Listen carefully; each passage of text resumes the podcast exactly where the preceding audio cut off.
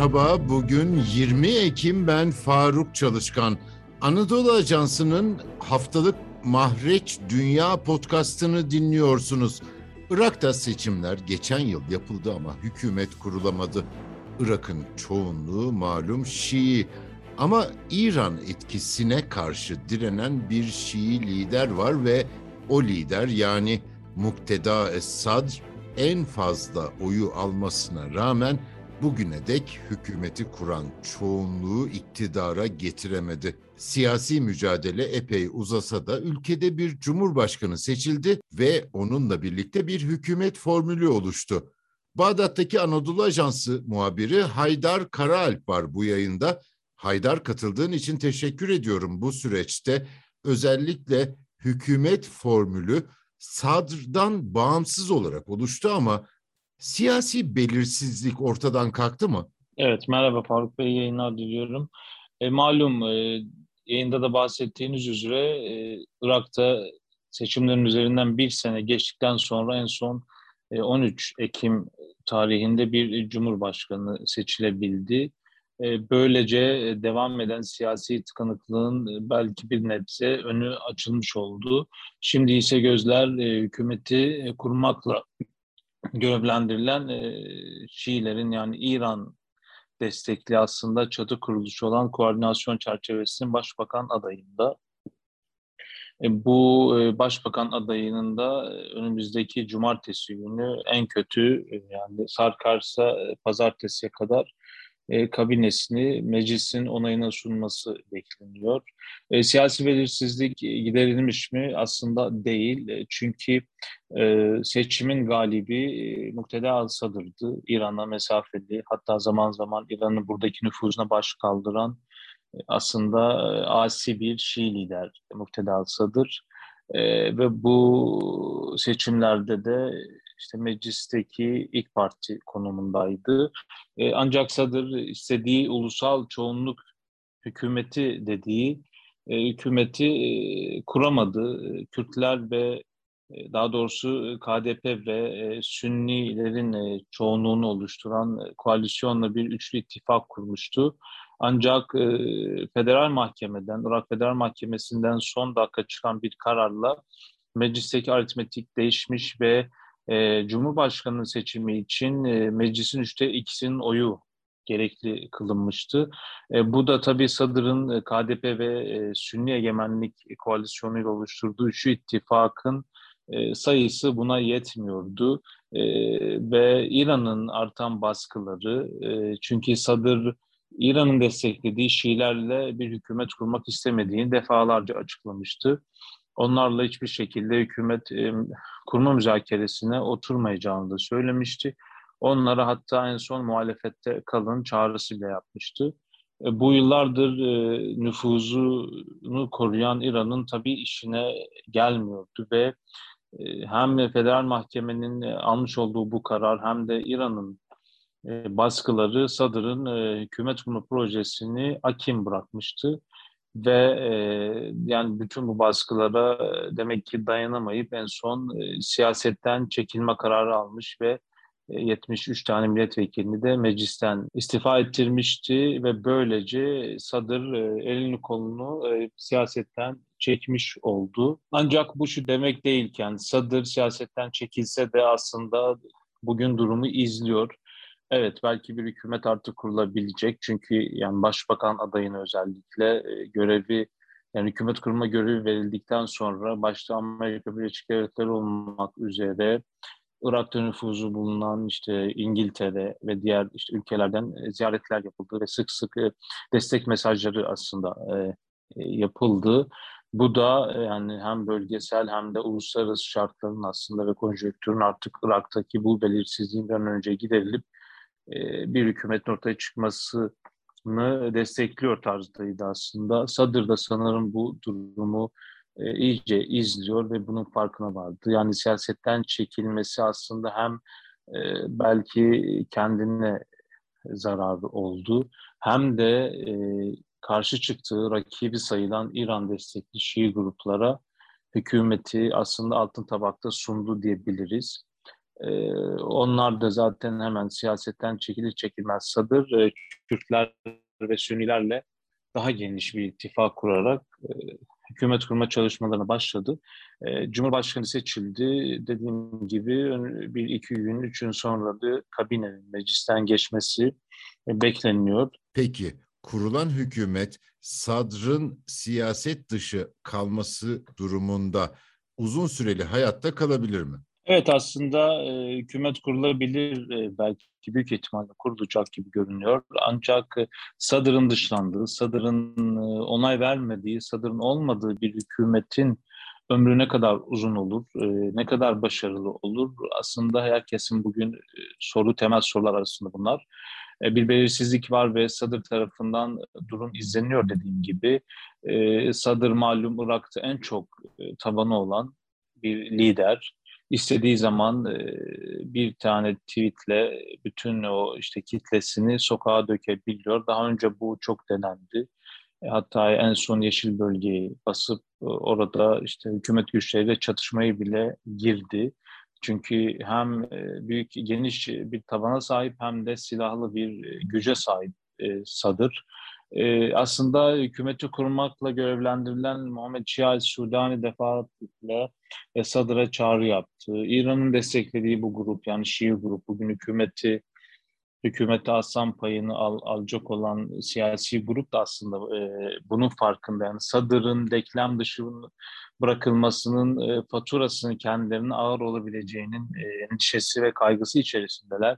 Ancak yani Sadr'a defalarca yapılan çağrılar işte gelin e, masaya oturalım, istediğin bakanlığı verelim gibi çağrılar aslında sonuçsuz kaldı. Çünkü Sadr siyasetten çekildikten sonra verdiği mesajlarla da aslında e, yani hükümette kesinlikle yer almayacağını kesin bir şekilde ifade etmiş oldu ve kendisine bağlı olan hiç kimsenin de e, oluşturacak hükümette ister kabinede ister devlet e, bürokrasisinde e, hiçbir şekilde yer almayacağını söyledi. Yer alan yer almak isteyen olursa da kesinlikle derhal e, işte hareketten biz onu dışarı çıkaracağız e, mesajları vardı. O yüzden dediğim gibi yapılan bütün e, müzakere ve hükümete katılım çağrılarına Sadır e, hayır dedi ve adeta müzakerelere kapısını e, kapattı. Bu da Sadır'ın aslında e, ne düşündüğünü, e, herkesin işte Sadır'ın ne düşündüğünü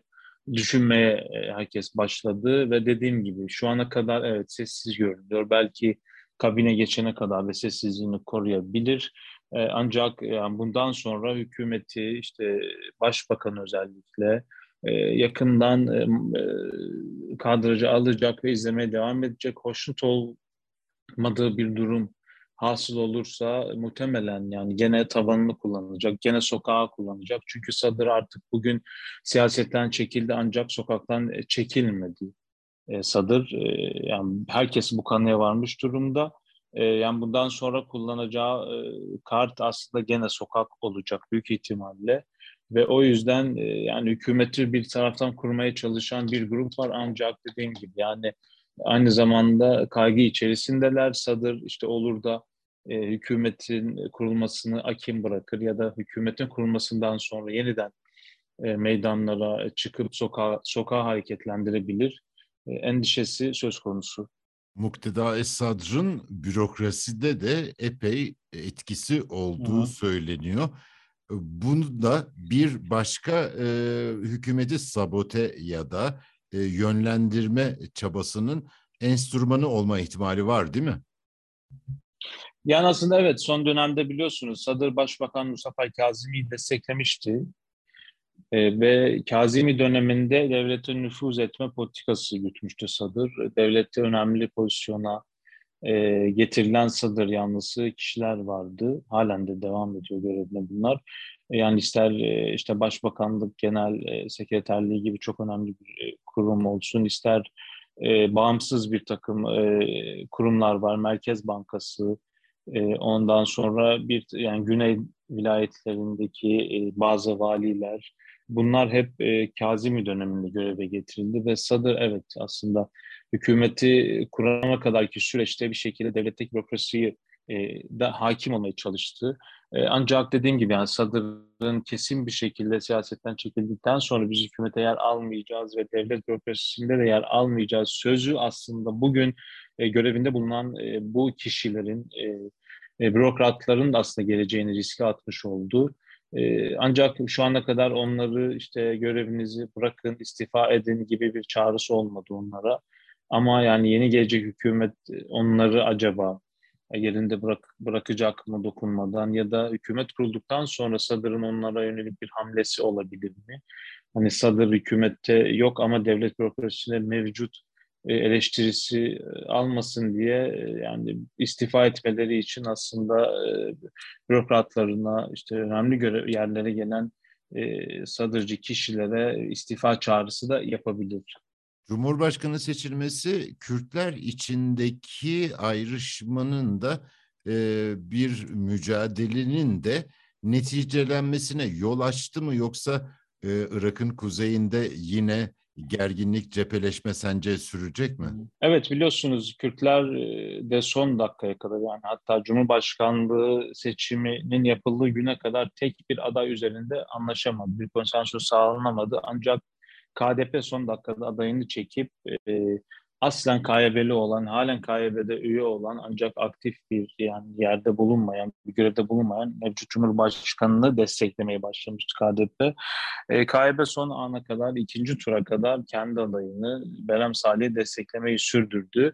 Ancak e, yani sonuç ortada KDP ve Şii çoğunluğunu desteklediği Abdülhatif e, Reşit KYB'li olsa da artık bugün e, yani KDP ve Şiilerin hatta Sünnilerin de oyunu alarak e, Cumhurbaşkanı seçildi. E, bu KYB ve KDP aslında e, anlaşmazlığının göstergesiydi. Bundan sonra devam edecek mi? Evet bence devam edecek. Bu hem Bağdat'taki e, görev dağılımında KYB ve KDP arasında bir güç mücadelesi her zaman olduğu gibi ve bu dönemde de çok bariz bir şekilde görünüyor. KYB kendi adayı kaybetse de aslında e, KYB lideri Pavel Talabani e, Cumhurbaşkanı seçiminin sonuçlanması sonrası Abdülhatif Reşit'le poz vererek e, medyaya bizim adayımız kazandı mesajı verdi. Ee, evet Abdülhatif Reşit de aslında bizim adayımızdı e, demeye getirdi. E, bu da KYB'nin Bağdat'taki nüfuzunu kaybetmemesi için hem de tabana hem de hem tabanına hem de milletvekillerine bir moral mesajıydı belki. Çünkü bu çok fazla gerçekçi bir e, açıklama ya da bir mesaj olarak görünmüyordu. Çünkü son dakika ikinci tura kadar KYP Berhem Salih'i destekliyordu. Ancak sonuç değişince istemedikleri yönde değişince bu sefer Abdülhatif Reşid'i e, desteklediklerini açıkladılar ya da bir yönde mesaj vermeye çalıştılar. Ancak dediğim gibi yani bizatihi Mesut Barzani'nin, KDP'nin ve Şii çoğunluğun ve Sünnilerin aslında oyuyla seçildi Abdülhatif Reşit. Yani KYB'nin oyuyla seçilmedi. E, KYB'nin Bağdat'ta özellikle KYB'nin Bağdat'ta bundan sonra işi zor olabilir. Yani Abdülhatif Reşit'e işte Cumhurbaşkanı'na e, istediği belki e, şeyi bulmayabilir e, o, o Cumhurbaşkanlığı nezdinde. Çünkü sonuçta yani kendi oylarıyla seçilmeyen bir Cumhurbaşkanı daha çok KDP'ye yakın bir Cumhurbaşkanı olduğu ve olacak. Ve bunun yani bu KDP ve KYB arasındaki bu e, bu süreç aslında e, yani Kürt bölgesel yönetimindeki siyasi atmosfere de tabii ki yansıyacak ve önümüzdeki e, seçimlerde de aslında oradaki güç mücadelesi e, devam edecek. Bağdat'taki Anadolu Ajansı muhabiri Haydar Karaalp'e çok teşekkür ediyorum. Bizi hangi mecrada dinliyorsanız orada abone olmayı lütfen unutmayın. Hoşça kalın.